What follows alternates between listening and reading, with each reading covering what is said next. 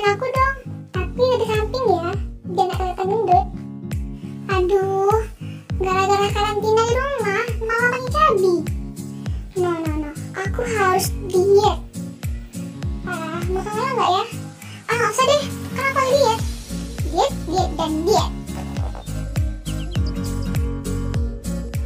Hai hai hai, Mbak Akaba, Mbak AKB Siapa nih yang sering bilang lagi diet tapi nggak tahu gimana diet yang tepat?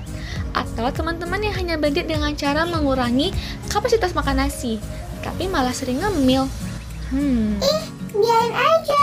Yang penting kan diet. nah tapi jangan sampai salah diet di sini aku bakal membahas tentang problema remaja akan berdietnya. Menurut AKG, angka kecukupan gizi inilah besaran dari kecukupan gizi seorang remaja yang berdasarkan pada jenis kelamin serta umurnya.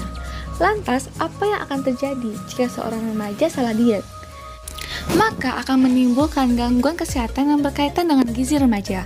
Salah satunya adalah anemia.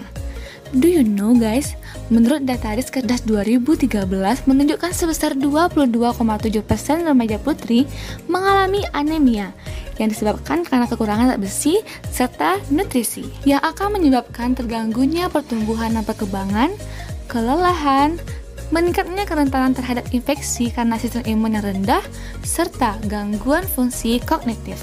Dan yang parahnya lagi, jika anemia ini berlanjut pada usia dewasa dan hingga perempuan tersebut hamil, dapat menimbulkan risiko pada bayinya, seperti bayi lahir prematur dan melahirkan bayi dengan berat badan rendah, serta memicu terjadinya stunting pada anak. Nah, begitulah pemaparannya teman-teman. Jadi, jangan sampai salah diet ya.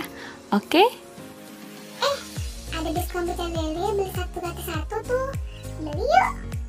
Hmm, tapi kan aku lagi diet. Ah, besok aja deh dietnya. Yang penting penuhi nutrisi dulu.